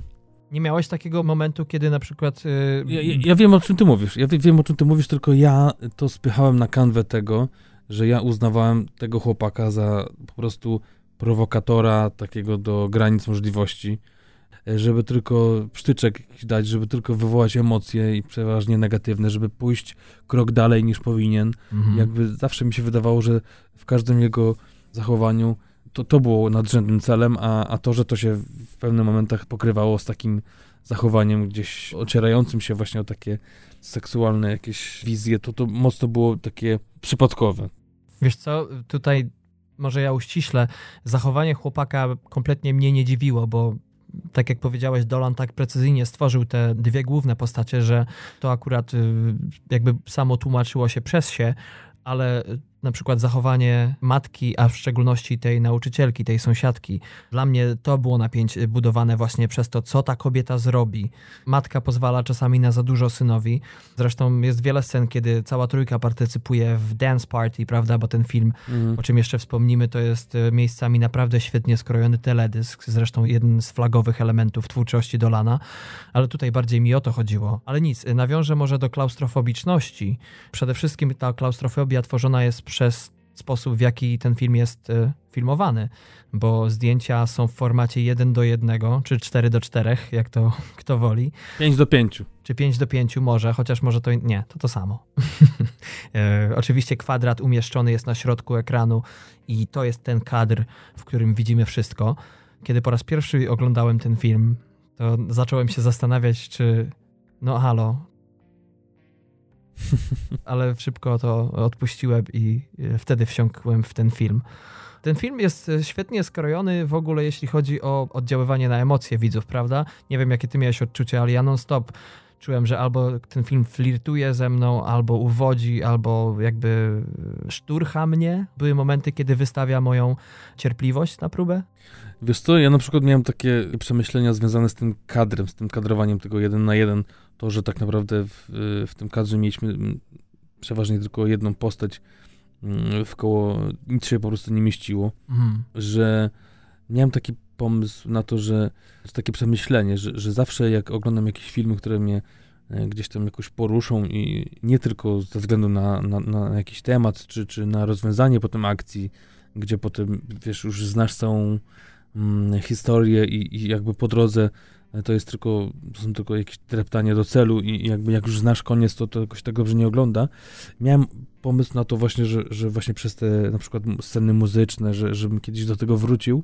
Na pewno jeszcze wrócę, ale, ale zawsze przy tym drugim czy trzecim podejściu do filmu bardzo często czuję się tak swobodnie, że zaczynam się właśnie rozglądać po planie Mhm. rozglądać się na boki, że już tutaj wiem, co się dzieje, znam tą minę i szukam, co się dzieje z boku, a tutaj nie ma, nie ma mowy. Po prostu zawsze musisz patrzeć w to samo miejsce Tak. i to też ciekawie, nawet mówił, że nie wie, czy to jest za mocne słowo, ale myślę, że nie jest jednak, tak powiedział Dolan, że on więzi tego y, widza. Mhm. Więzi, musisz patrzeć tu, gdzie ja ci każę i nie ma mowy, żebyś odwrócił wzrok. I Hmm. właśnie to jest to, co mnie uderzyło właśnie przy tym kadrowaniu. Twórca zdjęć miał, mówi, taki pomysł od gdzieś tam szkoły, jeszcze gdzie się uczył zawodu, żeby zrobić coś takiego właśnie w takim kwadracie i, i, i, i a potem z kolei w trakcie kręcenia mm, miał bardzo często dużo chęci, żeby to rozszerzyć jednak. On, Dolan powiedział nie, albo się trzymamy tego pomysłu, albo nie. I skończ tam rozmowę. E, I, I jakby to, to gdzieś wygrało, no wiadomo, twórca, producent, reżyser i tak dalej Mhm. e, więc miał ostatnie zdanie. I to utrzymali, ale właśnie to, że tymi kadrami to raz, a dwa, tak, tak, miałem, miałem wrażenie, że, że gdzieś tam na przykład y, ja bym coś chciał zobaczyć innego, a on mnie każe y, oglądać to, y, a nie co innego i gdzieś tam... mm, E, A propos tych kadrów e, i tego właśnie trzymania się reguły, to chyba najbardziej dla mnie to było widoczne. W sensie scena, która zrodziła najwięcej pytań, czy rzeczywiście twórcy filmu poradzą sobie z tym kwadratem, była scena, z, można tylko powiedzieć tyle, na parkingu przed hipermarketem, kiedy to Steve ma scenę z wózkiem. Tyle tylko powiemy o tej scenie, ale e, no jest to, to teledysk, jest to wszystko zgrane z muzyką. Mm, Bardzo często właśnie ten kadr jakby wymyka się, czy, czy postaci wymykają się kadrowi, ale powiem ci, dwa razy tą scenę oglądałem i stwierdziłem, że jednak mimo wszystko jest to tak naturalnie zrobione i tak naprawdę mimo to, że wiemy, że jest to ten kwadrat i że nie wszystko się mieści, to jednak twórcy konsekwentnie podążają za akcją na tyle, na ile potrafią i dla mnie to miało naprawdę przesmaczny efekt. Tego się w filmach y, nie widzi tak naprawdę. Y, tak, nawet sam reżyser mówił, że, że czasami faktycznie były problemy z tym, żeby, żeby gdzieś tam umieścić, na przykład gdzieś sceny zbiorowe były we trzy osoby, żeby umieścić ich razem w kadrze, ale właśnie to jest to, yy, jaki tam efekt chciał osiągnąć i przede wszystkim chciał, żeby wiadomo, wiedział o tym, że, że na początku gdzieś tam tu yy, każdego troszeczkę tak, może nie odstręczę od filmu, ale trochę nim zakłopoczę, mhm. czyli załopoczę i zakłopoczę, że, że coś, coś jest nie tak z tym, z tym kadrem, ale żeby potem zapomnieć o tym, że właśnie dla niego to było wygrane, jak się oglądać, yy, coś tam ci się przestawiło w głowie, że to zaczęło ci pasować, wciągnąłeś się w historię i zapominałeś o tym, że to jest taki, taki kadr yy, i wtedy mówisz, że wtedy będzie wygrany. I, I, tak mi się wydaje, że ja też tak miałem na początku, że co teraz zrobić, nie wiem, rozszerzyć to jakoś, jak to w ogóle powiększyć, ale potem mhm. mi to zupełnie nie przeszkadzało.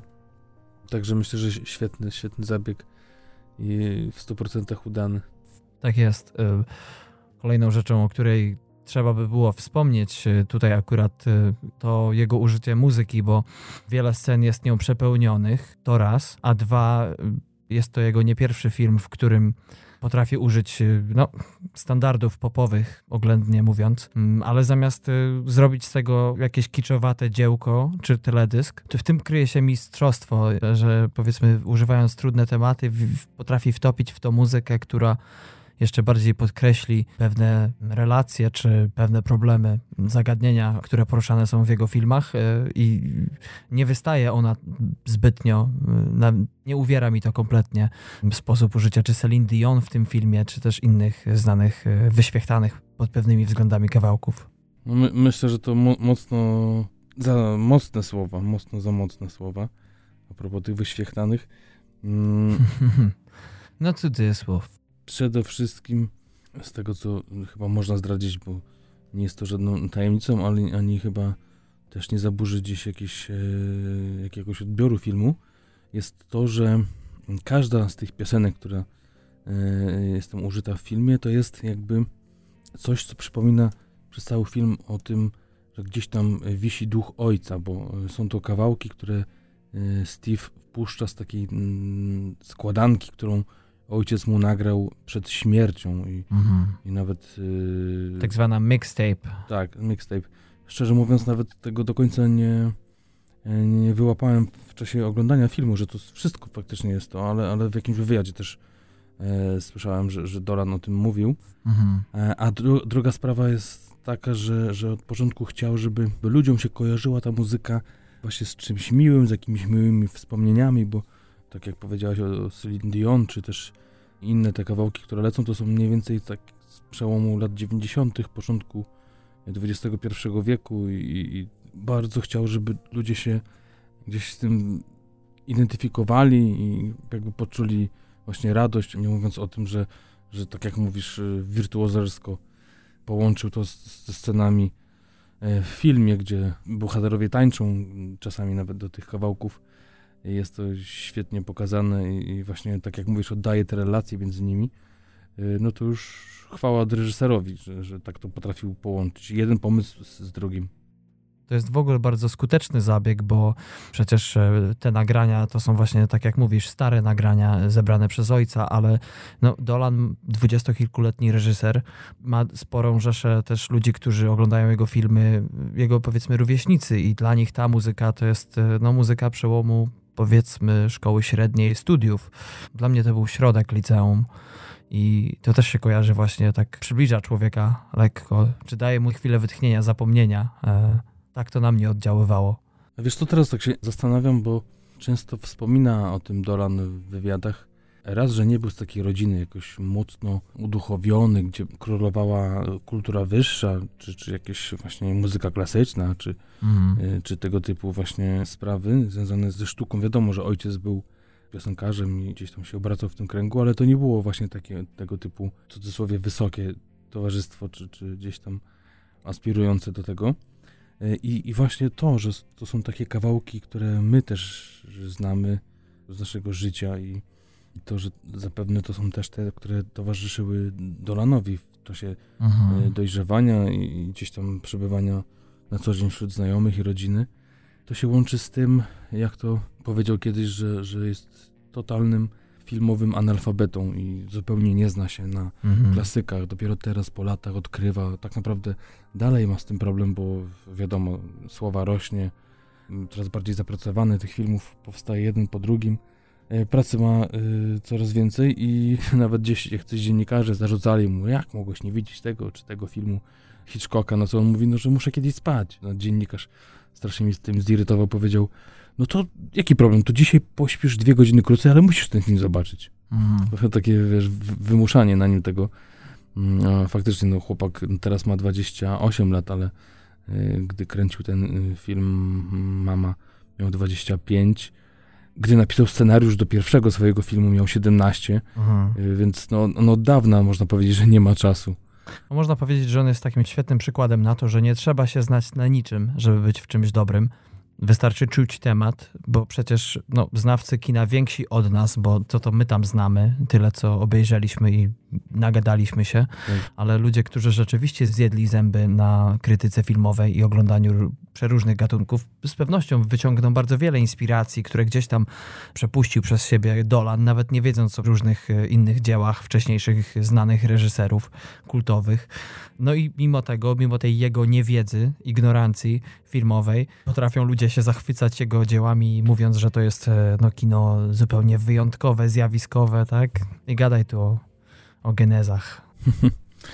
No właśnie to jest też to, z czego ma największy ubaw Dolan, jak czyta recenzje, a mówi, że bardzo dużo tych recenzji swoich filmów czyta, gdzie ludzie się doszukują, na przykład w filmie, tym poprzednim Tom, który był mocno taki psychologiczny, e, gdzieś tam nawiązań do Hitchcocka, e, gdzieś e, właśnie w tych recenzjach padają takie przykłady, że na pewno reżyser oglądał ten i ten film i tu się inspirował, na co Dolan mówi, że w, w ogóle nawet nie wiedział, że takie filmy istnieją, a, a tym bardziej ich nie, nie oglądał.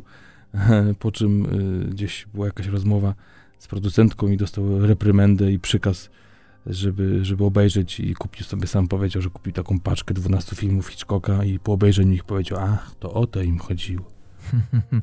No tak. Um, trochę przypomina mi Christopha Waltza, który jest chyba może oprócz Garego Oldmana najnudniejszym udzielaczem wywiadów, ponieważ zawsze pytany o swoje metody aktorstwa, o to, jak to on wszystko to w sobie kumuluje i tak dalej. On mówi, że nie, nie mam pojęcia, o co wy mnie pytacie. Ja naprawdę nie mam jakichś tam super metod. Ja po prostu wchodzę w rolę, czytam, wyobrażam sobie i robię. I prosta piłka. I krótka.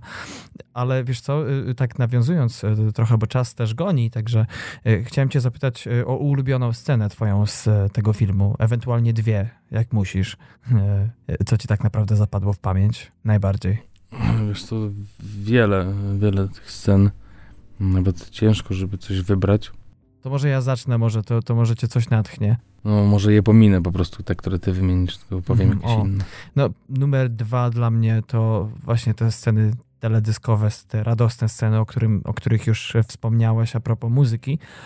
Ale numer jeden jest to scena, kiedy matka wyobraża sobie przyszłość swojego syna i sposób rozwiązania tej sceny, również bez spoilerów, przygniótł mnie. Nie spodziewałem się kompletnie. To był chyba jedyny, największy zakręt w tym filmie, jeśli chodzi o akcję. Długo pamiętam, nie mogłem zrozumieć y, zachowania ani matki, ani tej przyjaciółki. No to teraz moja scena. Myślę, że mm, z racji tego, że te dwie główne postaci, czyli matka i syn, są mocno dominujące i mm, bardzo ciężko się przebić tej sąsiadce w tych kontaktach. Aczkolwiek to też jest genialna rola właśnie Suzanne, która, która się wcieliła w tą rolę sąsiadki Kylie, że jednak nie daje się do końca zdominować, że chociaż jest taką nieśmiałą osobą i, i jeszcze do tego jąkającą się, bardzo jąkającą, bo to nie jest takie lekkie jąkanie, mhm.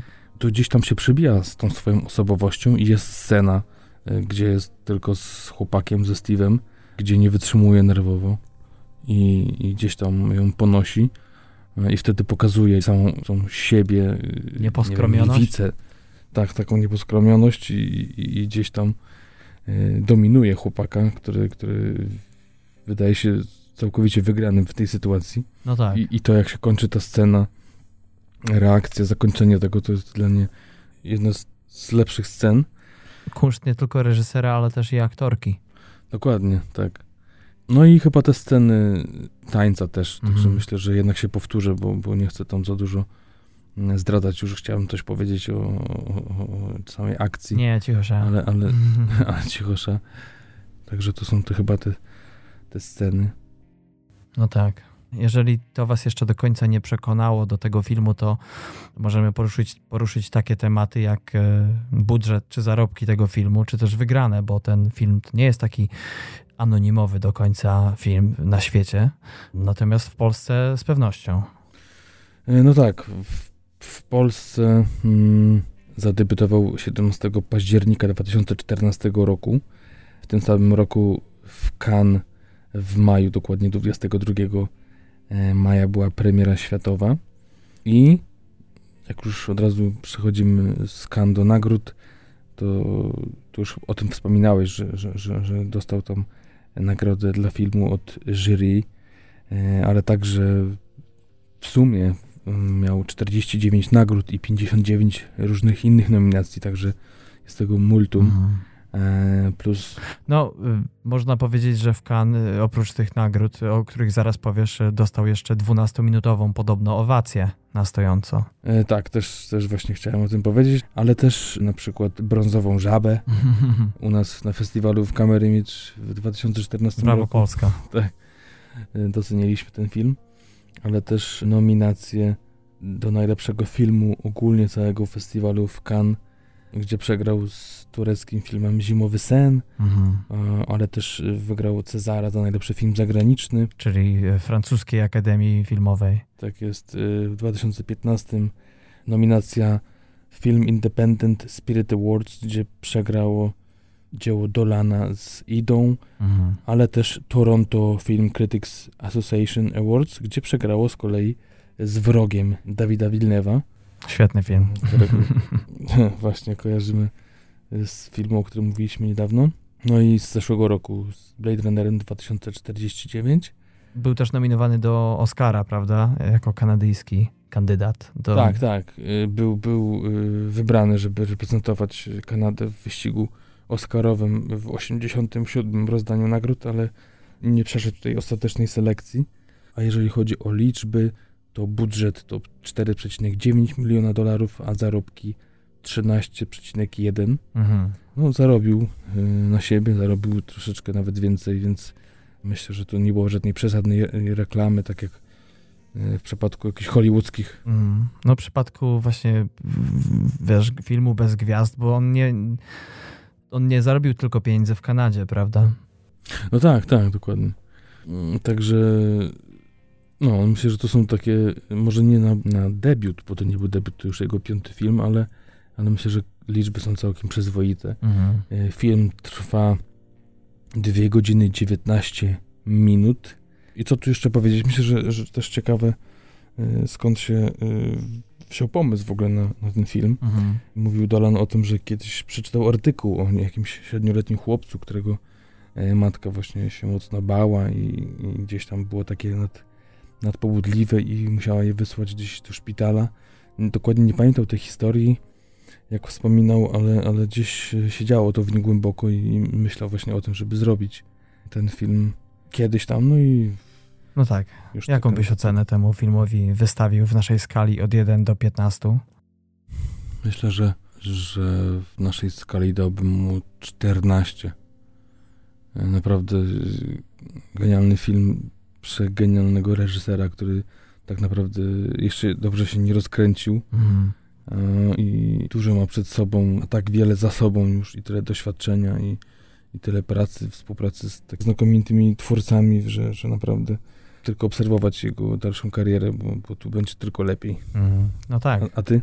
Ja bym też dał 14. E, Już nie będę się powtarzał, bo w zasadzie wyjąłeś mi wszystko z ust. Kochani, mama Xaviera Dolana, 29-letniego, obiecującego już w pewien sposób spełnionego kanadyjskiego reżysera z 2014 roku, to film, e, który jest e, naszym zdaniem pozycją obowiązkową dla kinomaniaków i nie tylko. Kolejnym jego dziełem w tym roku, który wyjdzie do kin będzie Śmierć i życie Johna Donovana już z gwiazdami, z Kitem Harringtonem, z Griotron, Jessica Chastain, Kathy Bates, Susan Sarandon, Natalie Portman. To chyba jest najlepsza rekomendacja, gdzie ten reżyser się wybiera w najbliższych latach. E, polecamy serdecznie. A ja jeszcze chciałem tylko wspomnieć o tym, że gdzieś w jakimś wywiadzie też wypatrzyłem mm, jego innych inspiracji, tego, że, że gdzieś tam wzoruje się na, może na internet wzoruje się, co, co, co gdzieś uwielbia pracę Paula Thomasa Andersona, mm. Gustava Sanda, ale także to, że mm, właśnie po, tym, e, po tej lekturze tych 12 filmów Hitchcocka przysiągł sobie, że zrobi kiedyś remake filmu Sznur z 1948 mm. roku i też chce tam zagrać, także to też ciekawostka taka i myślę, że warto go trzymać za słowo akurat, jeżeli chodzi o ten film bo może to być coś naprawdę wielkiego, nie wiadomo kiedy, w jak dalekiej przyszłości, ale, ale, ale no bardzo, bardzo chciałbym taki film w jego reżyserii, nawet z, jego, z nim w roli głównej zobaczyć kiedyś. Powiem tylko tyle, że zacną sobie wybrał wysokość poprzeczki. No i to chyba tyle, jeśli chodzi o dzisiejszy odcinek, kochani. Dziękujemy jeszcze raz, po raz kolejny za to, że z nami wytrwaliście. Mamy nadzieję, że zachęciliśmy Was do obejrzenia tego filmu. I e, oczywiście przypominamy, gdzie nas można znaleźć. E, Facebook to TMF Podcast, tam mnóstwo innych poza podcastowych rzeczy, takich jak posty, newsy, filmiki itp. itd. Strona www to tmfpodcast.com. Oprócz tego możecie nas słuchać na wszelkich apkach. E, jesteśmy także na Instagramie. I oczywiście będziemy bardzo E, wdzięczni i będzie nam miło, gdy zostawicie jakąś recenzję, jakąś opinię, czy gdzieś e, ocenicie nas na jakiejś stronie, czy to iTunesie, czy to jakiejś aplikacji podcastowej. Jak zawsze mówimy, to nam pomoże gdzieś rozszerzać grono słuchaczy, na, na, którym nam oczywiście najbardziej zależy. I myślę, że od razu ja, bo Darkowi to nie wypada, zapraszam na prześwietny, przeznakomity e, odcinek numer 17,5 E, prosto z Nowego Jorku, o Nowym Jorku i o inspiracjach e, z tamtego rejonu, regionu, kolebki e, światowego kina, teatru, telewizji. Wiedziałem, wiedziałem, że nie powinienem było tej poprzedce mówić. Utkwiło i poszło. Tak jest. O ciekawych rzeczach i o zachowaniu Patryka porozmawiamy sobie, kochani, w 4 czy 6 czy ileś tam oczu już za tydzień. Dziękujemy jeszcze raz za dziś. Zapraszamy serdecznie na za tydzień. Do zobaczenia. Trzymajcie się. Hej.